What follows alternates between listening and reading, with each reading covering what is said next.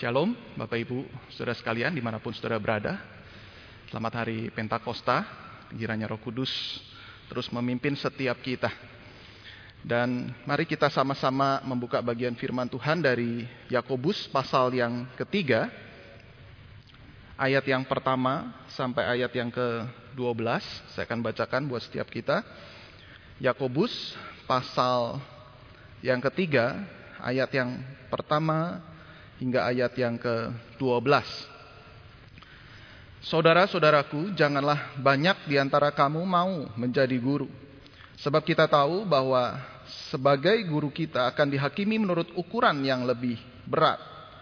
Sebab kita semua bersalah dalam banyak hal. Barang siapa tidak bersalah dalam perkataannya, ia adalah orang sempurna yang dapat juga mengendalikan seluruh tubuhnya. Kita mengenakan kekang pada mulut kuda sehingga ia menuruti kehendak kita. Dengan jalan demikian kita dapat juga mengendalikan seluruh tubuhnya. Dan lihat saja kapal-kapal walaupun amat besar dan digerakkan oleh angin keras namun dapat dikendalikan oleh kemudi yang amat kecil menurut kehendak juru mudi. Demikian juga lidah Walaupun suatu anggota kecil dari tubuh dapat memegahkan perkara-perkara yang besar. Lihat, betapapun kecilnya api, ia dapat membakar hutan yang besar. Lidah pun adalah api.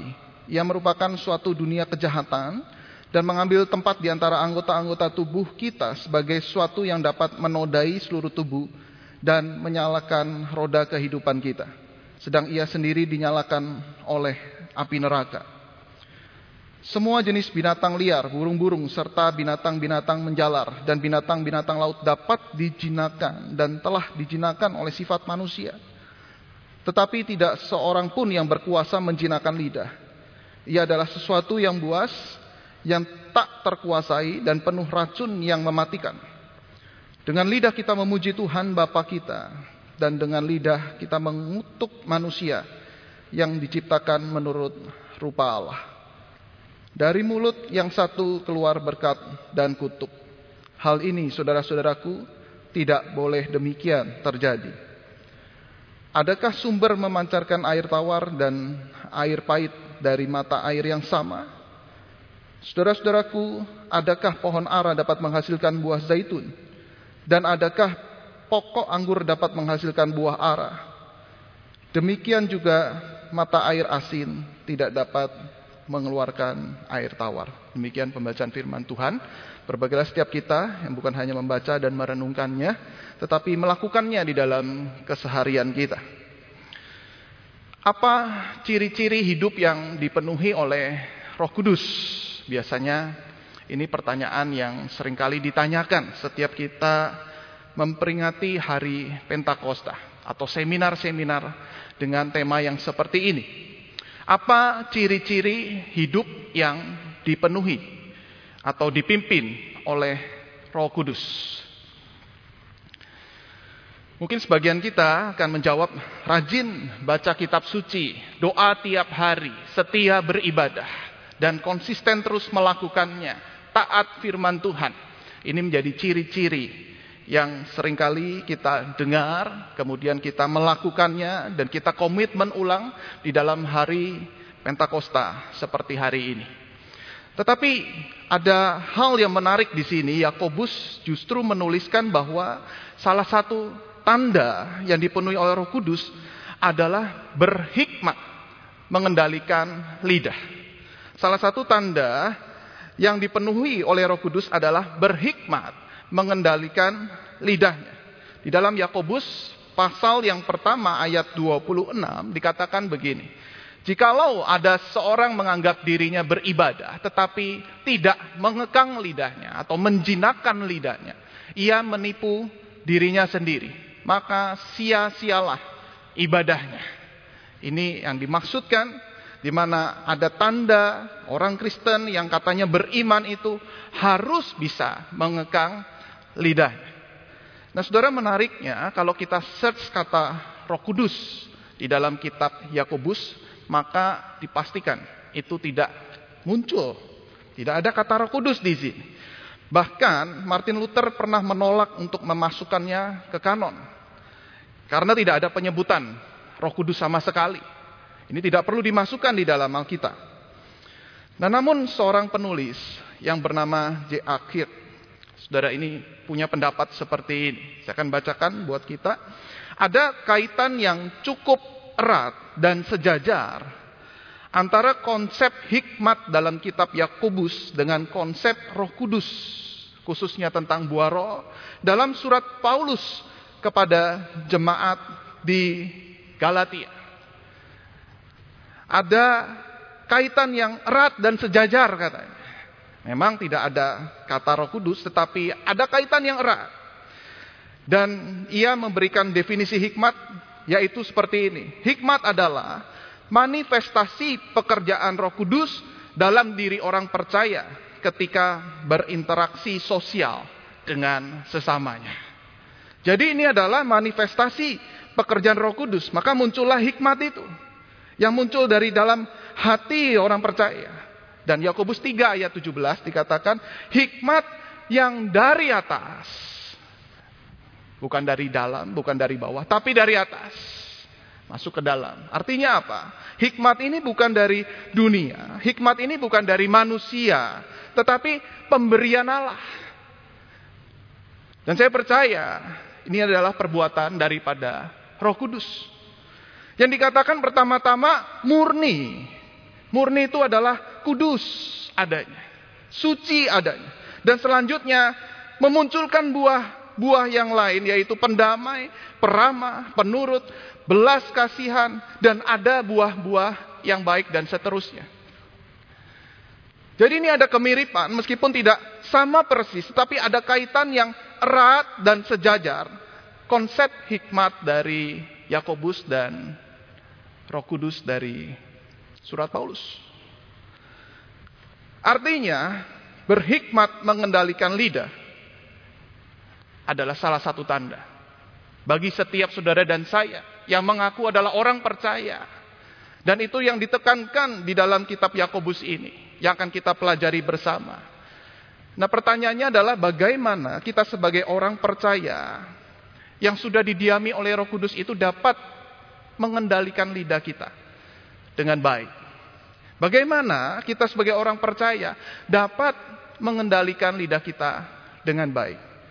Yang pertama, sadarilah lidah memiliki kekuatan yang besar.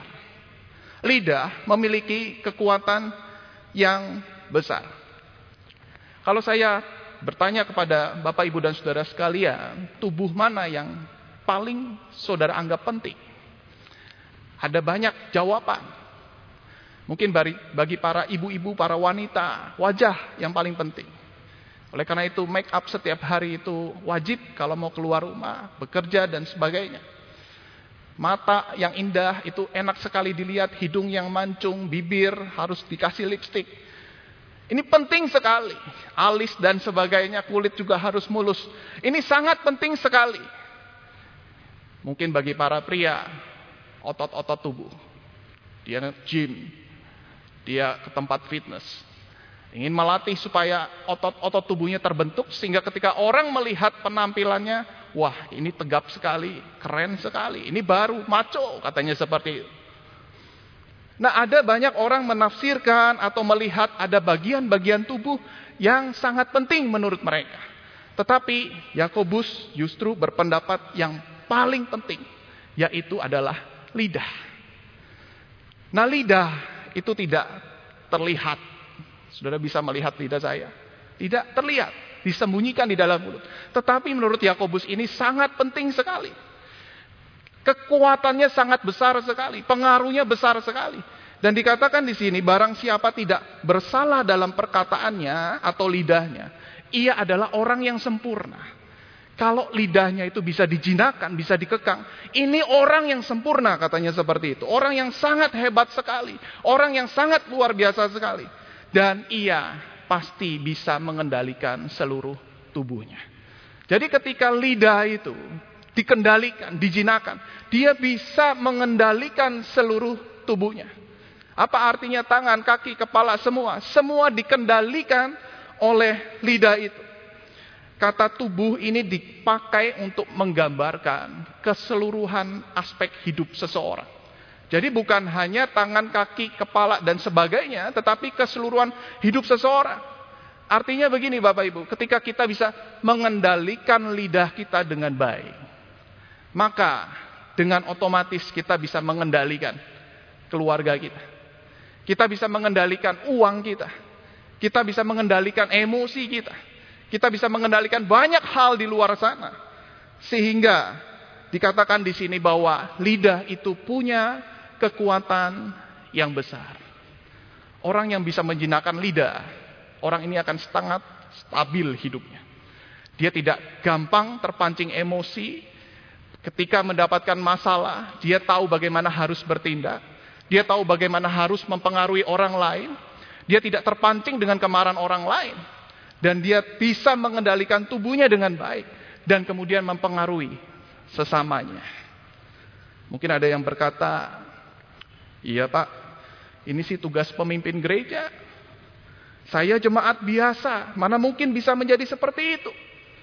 Lihat ayat yang pertama, janganlah banyak orang di antaranya mau menjadi guru. Kami bukan guru. Nah, saudara, kalau kita melihat ayat yang pertama di sini, ada sebutan jangan mau menjadi guru. Saudara, ini dimaksudkan bagi mereka yang bukan hanya punya jabatan menjadi pemimpin gereja, guru, dan sebagainya. Tetapi di sini, di ayat 2a, kalau kita perhatikan, dikatakan begini. Sebab kita semua bersalah dalam banyak hal. Betulkah ini hanya untuk para pemimpin gereja, pendeta, hamba Tuhan, majelis, dan sebagainya? Sebab di ayat yang kedua dikatakan sebab kita semua bersalah dalam banyak hal. Artinya apa? Artinya kita semua yang mengaku percaya, kita semua yang mengaku beriman itu bersalah dalam banyak hal. Dan perlu diingat kitab Yakobus itu ditulis untuk orang-orang yang mengaku beriman, tetapi tidak ada perbuatannya. Mengaku beriman, tetapi tidak ada perbuatannya. Jadi guru di sini lebih tepat diartikan kepada mereka yang katanya beriman, tetapi tidak bisa mengekang lidahnya. Katanya beriman, tetapi menghakimi orang lain. Katanya beriman tetapi menganggap diri lebih benar. Katanya beriman tetapi menyebarkan berita fitnah itu. Mereka anggap diri mereka seperti guru yang bisa menghakimi orang lain. Padahal tidak seperti itu. Guru di sini lebih tepat diartikan kita semua yang mengaku percaya, mengaku beriman, tetapi tidak bisa menjinakkan lidah kita. Nah, saudara, berita baiknya adalah ketika saudara dan saya sungguh-sungguh bisa mengekang lidah siapa pun itu. Engkau adalah orang yang sederhana. Engkau adalah ibu rumah tangga. Engkau akan bisa menjinakkan lidah dan menjadi pengaruh yang besar untuk orang-orang di sekitarmu. Tidak terbatas hanya jabatan tertentu. Tidak terbatas hanya orang-orang yang punya tugas khusus di gereja. Tetapi siapa pun kita. Ketika kita bisa menjinakkan dengan baik lidah kita. Kita punya pengaruh yang besar. Para orang tua jinakan lidah anak-anak saudara. Kelak dia menjadi pemimpin yang besar. Paling tidak Amsal 21 ayat 23 berkata begini. Siapa memelihara mulut dan lidahnya, memelihara diri daripada kesukaran. Siapa yang memelihara mulut dan lidahnya, memelihara diri daripada kesukaran. Paling tidak mereka akan hidup bahagia. Terjaga dari segala kesukaran. Inilah yang harus orang tua latih kepada anak-anaknya. Agar mereka bisa menjaga mulut dan lidahnya. Namun terlebih lagi orang tua perlu menjadi teladan di dalam rumahnya. Anak-anak akan melihat Orang tua yang menggunakan lidah yang baik dengan tidak baik. Lalu dia akan mengikutinya. Oleh karena itu, Yakobus memberikan contoh. Yang pertama, seperti kuda yang liar itu bisa dikendalikan dengan tali kekang yang kecil. Tali kekang kuda itu yang ada di hidung dan di mulut kuda itu sangat kecil tapi bisa menjinakkan kuda yang liar. Belok kanan, belok kiri dari sini. Nggak perlu pakai cambuk, asal pengendaranya itu sangat mahir, dia bisa kendalikan dari tali kekang itu. Dan kemudian kapal yang besar katanya, tapi ada kemudi yang sangat kecil. Ada angin ribut, ada angin yang besar itu, dia bisa tetap bertahan. Melawan segala arus dan arah. Ketika dia bisa mengendalikan kemudinya itu dengan baik. Ini luar biasa sekali, saudara. Ini sangat luar biasa ketika kita bisa menjinakkan lidah kita dengan baik. Ada keuntungan yang besar yang Tuhan akan berikan di sana. Kita seperti orang-orang yang dinanti-nanti oleh orang lain karena kita dipandang berhikmat, bijaksana, bisa memberikan pengaruh yang baik dan mengendalikan lidah dengan baik. Dan kemudian yang kedua, saudara kita akan melihat di bagian yang kedua, sadarilah lidah memiliki bahaya yang besar. Jikalau yang pertama lidah memiliki keuntungan atau kekuatan yang besar, maka yang kedua sadarilah sebaliknya, lidah memiliki bahaya yang besar. Nah, di sini Yakobus mengumpamakan lidah itu seperti api. Api itu panas. Api itu merusak, menghancurkan, menyebar dengan cepat. Dari api yang kecil bisa menghancurkan rumah yang besar. Ini sifat daripada api. Demikian juga dengan lidah. Hoax, gosip bisa menghancurkan persahabatan, persekutuan, kasih antar saudara seiman. Dapat dihancurkan dalam sekejap karena apa? Karena orang tidak bisa mengendalikan lidahnya dengan baik. Dalam sekejap persahabatan akan hancur. Dalam sekejap keluarga juga akan hancur.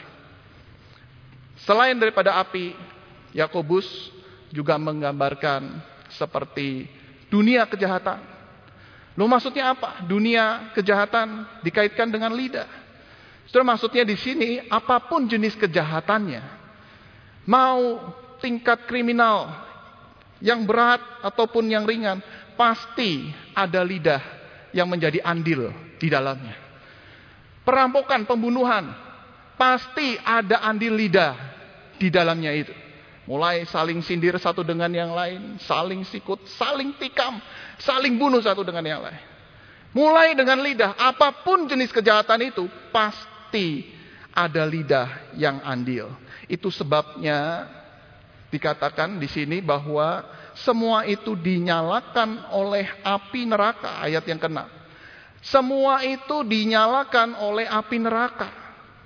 Maksudnya adalah ada penyebab, ada kuasa yang lebih besar daripada itu semua, yaitu kuasa iblis, kuasa si jahat yang berasal dari neraka itu yang menyebabkan lidah itu seperti api dan masuk dalam dunia kejahatan. Iblis terus mengintip untuk menjatuhkan orang-orang percaya dengan lidahnya. Bahkan di sini ekstrimnya Yakobus sampai berkata binatang bisa dijinakan oleh manusia. Tetapi tidak ada orang yang bisa menjinakan lidahnya sendiri. Binatang bisa dijinakan oleh manusia. Tetapi tidak ada manusia yang bisa menjinakan lidahnya sendiri. Ini bahaya besar sekali. Kalau kita tidak bisa mengekang lidah kita dengan baik, ini ada suatu bahaya yang sangat besar. Karena itu kita perlu berhati-hati dengan lidah kita. Ada pepatah, lidah itu tak bertulang, tapi bisa menghancurkan hati orang. Lidah tidak bertulang, tetapi bisa menghancurkan hati orang. Para orang tua jangan keluar perkataan negatif buat anak-anakmu. Bodoh lah kan. Tidak becus. Anak nakal. Anak akan nancap perkataan negatif itu. Dia akan ingat seumur hidupnya. Dan dia akan mengatakan dirinya sendiri. Aku bodoh. Aku tidak becus. Mama nggak sayang aku. Hati-hati para orang tua ketika mau mengatakan sesuatu kepada anak. Pikir baik-baik. Berdoa terlebih dulu. Apakah perkataan ini membangun atau justru menjatuhkan? Jikalau ada yang seperti ini, ingatlah Amsal 16 ayat 24. Dikatakan perkataan yang menyenangkan adalah seperti sarang madu, manis bagi hati dan obat bagi tulang-tulang. Justru perkataan itu yang positif akan manis seperti madu. Akan menyegarkan, akan menguatkan. Besarkan anak-anak dengan kasih sayang. Perkataan yang positif, perkataan dari firman Tuhan. Anak baik, jangan nakal ya. Beda sama tadi bukan. Anak pinter belum belajar ya. Anak bodoh. Ini menjatuhkan. Anak pinter, ayo belajar lagi. Mungkin kamu belum belajar. Nah ini akan sangat membangun anak-anak kita sehingga ketika dia menjadi pribadi yang dewasa, dia juga bisa menjinakkan lidahnya dengan baik.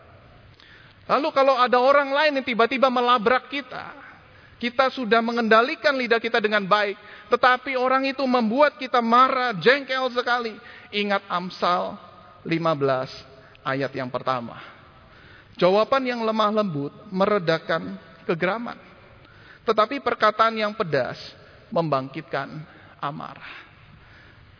Saudara balaslah dengan perkataan yang lemah lembut. Jikalau ada orang yang marah bahkan maki-maki saudara, jangan balas dengan makian. Tetapi kata Amsal balaslah dengan perkataan yang lemah lembut. Kalau ada kebakaran, jangan siram dengan bensin. Makin besar itu apinya. Tetapi siram dengan air. Kebakaran itu dengan sendirinya akan surut apinya. Air itu membuat sejuk. Bensin itu membuat terbakar. Apalagi kita provokatorin orang-orang itu. Balaslah dengan kelemah lembutan. Lalu kemudian kalau kita pengen sekali membalas lebih baik saudara berdiam diri. Amsal 11 ayat 12. Siapa menghina sesamanya tidak berakal budi. Tetapi orang yang pandai berdiam diri. Orang yang pandai itu dia tahu ketika dia membalas suasana akan makin hancur, makin kisru. Dia punya akal budi yang mengontrol lidahnya itu. Dia akan lebih banyak berdiam diri. Karena apa? Karena perkataan apa pun itu bisa melukai orang lain. Dan bisa menghancurkan suasana yang sedang terjadi. Yang waras ngalah. Bukankah kita sering dengar itu? Yang waras ngalah. Diamkan saja. Maklum orang itu mungkin sedang terluka. Kalau orang sedang terluka, dia akan kembali melukai orang lain. Kalau hati kita juga terluka, kita akan cenderung membalas orang itu. Mungkin ada yang berkata, saya ngerti teorinya.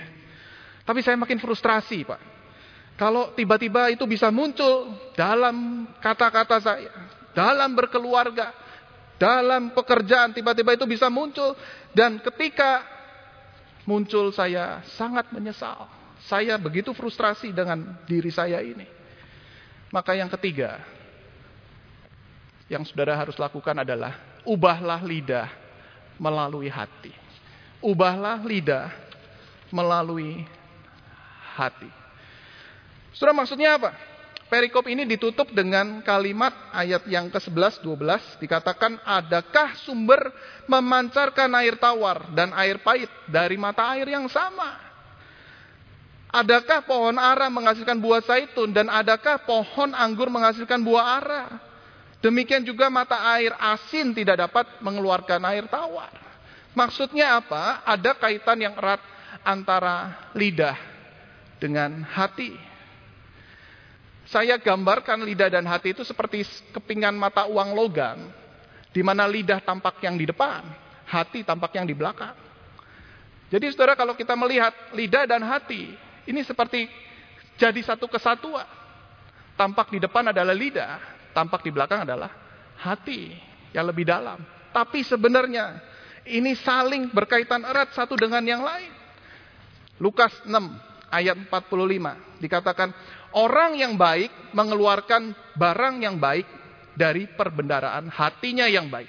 Dan orang yang jahat mengeluarkan barang yang jahat dari perbendaharaan hatinya yang jahat. Yesus pernah mengatakan kalimat ini, bukan? Paul David Tripp dalam menuliskan bukunya yang berjudul Perang Kata-kata, dia memberikan kalimat yang sangat menarik sekali, yaitu sebenarnya masalah ketika kita berkata-kata atau lidah itu problem utamanya adalah di hati. Di hati seseorang kemudian muncul di dalam kata-kata. Baik dalam pikiran, dalam hati, kemudian diucapkan keluar. Karena itu masalah yang terpenting yang harus dibereskan adalah hati kita.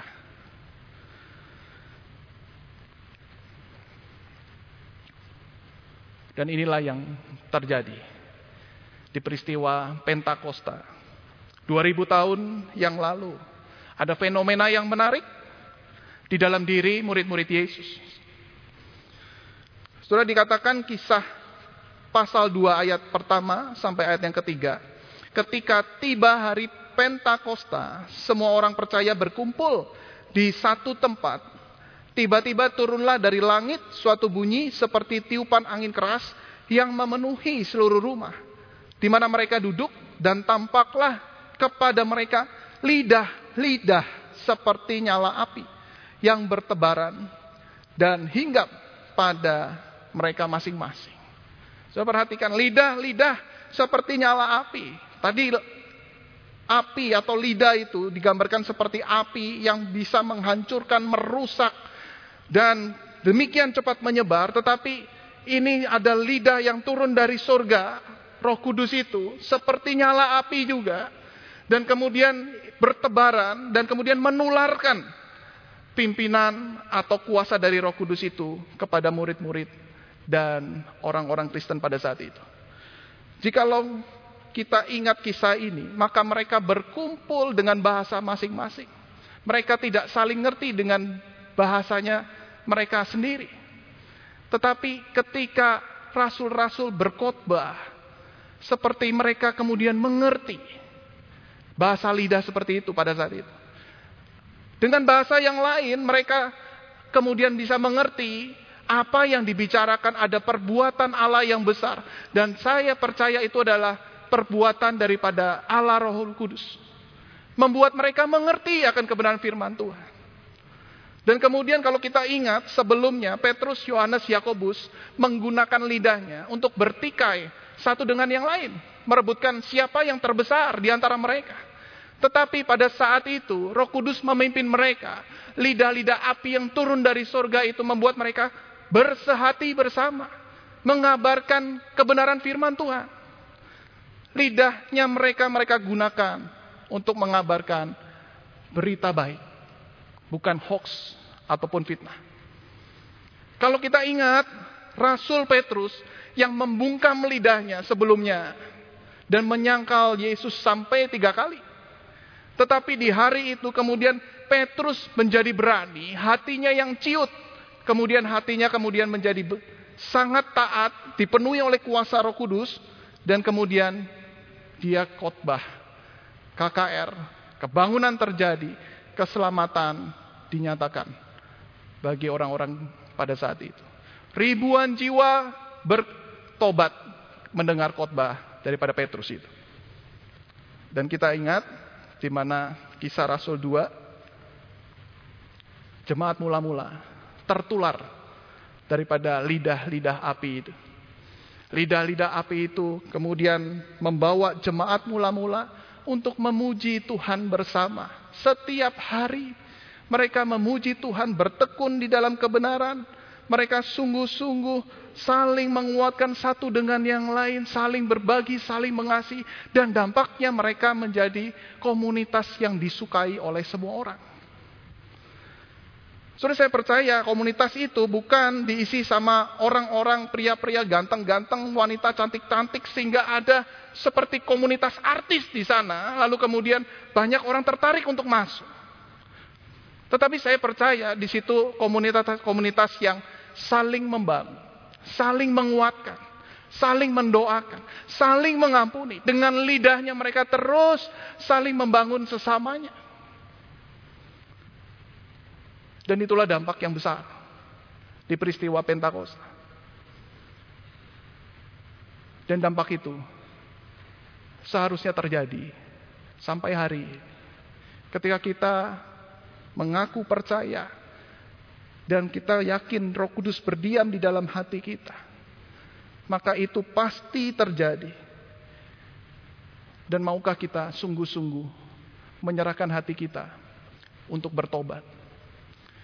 Bukan soal komunikasi yang tidak baik, tetapi sebenarnya adalah masalah hati. Apakah hati kita sungguh-sungguh sudah bertobat di dalam Tuhan? Apakah masih banyak kepahitan? Apakah masih banyak kekecewaan? Apakah masih banyak hal yang kita tidak bisa terima? Saudara di sini saatnya untuk menyerahkan kembali hati kita rasul-rasul dan murid-murid jemaat mula-mula tidak belajar ilmu komunikasi dari Yesus ataupun dari Roh Kudus. Tetapi satu hal yang mereka lakukan, mau menyerahkan hati kepada Tuhan untuk diubahkan.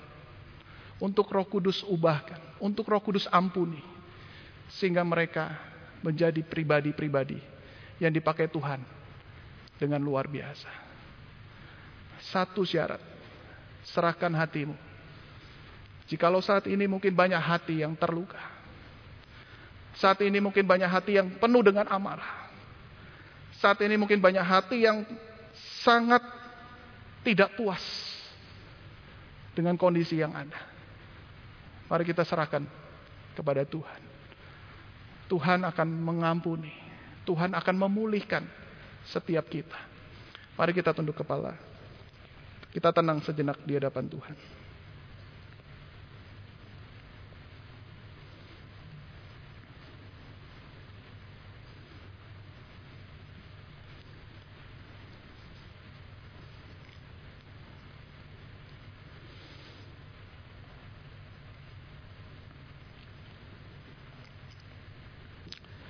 Mari berefleksi apakah saudara dipenuhi dengan kemarahan. Kemarahan kepada sesama, kemarahan kepada Tuhan. Atas kondisi yang saat ini sedang terjadi dalam hidup saudara. Kalau komunikasi kita buruk dengan pasangan, dengan anak-anak kita. Jangan-jangan masalahnya bukan di komunikasi. Tetapi di dalam hati kita. Hati kita sudah mulai mengeras. Hati kita sangat kotor. Sehingga perkataan kotor itu yang keluar.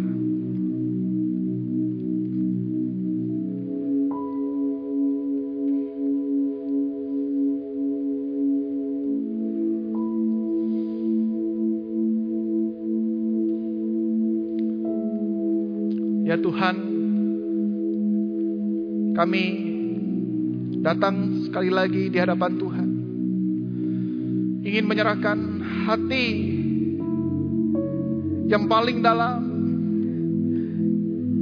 yang tidak terlihat oleh siapa pun, tetapi kami tahu dan Tuhan tahu. Hati ini begitu kotor ya Tuhan. Hati kami ini terluka, hati ini penuh dengan kekecewaan.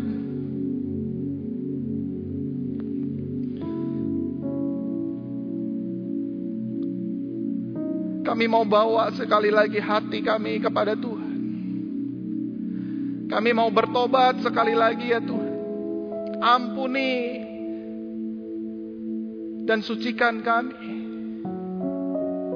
Bersihkan hati kami ini Tuhan.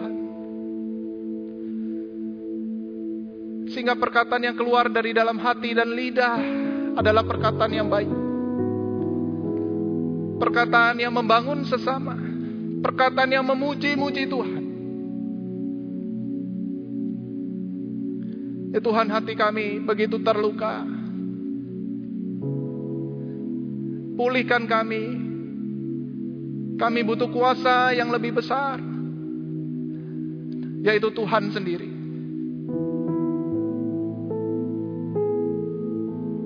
Pulihkan kami Tuhan. Balut luka-luka dalam hati kami sekali lagi. Sehingga kami boleh menjadi anak-anak Tuhan.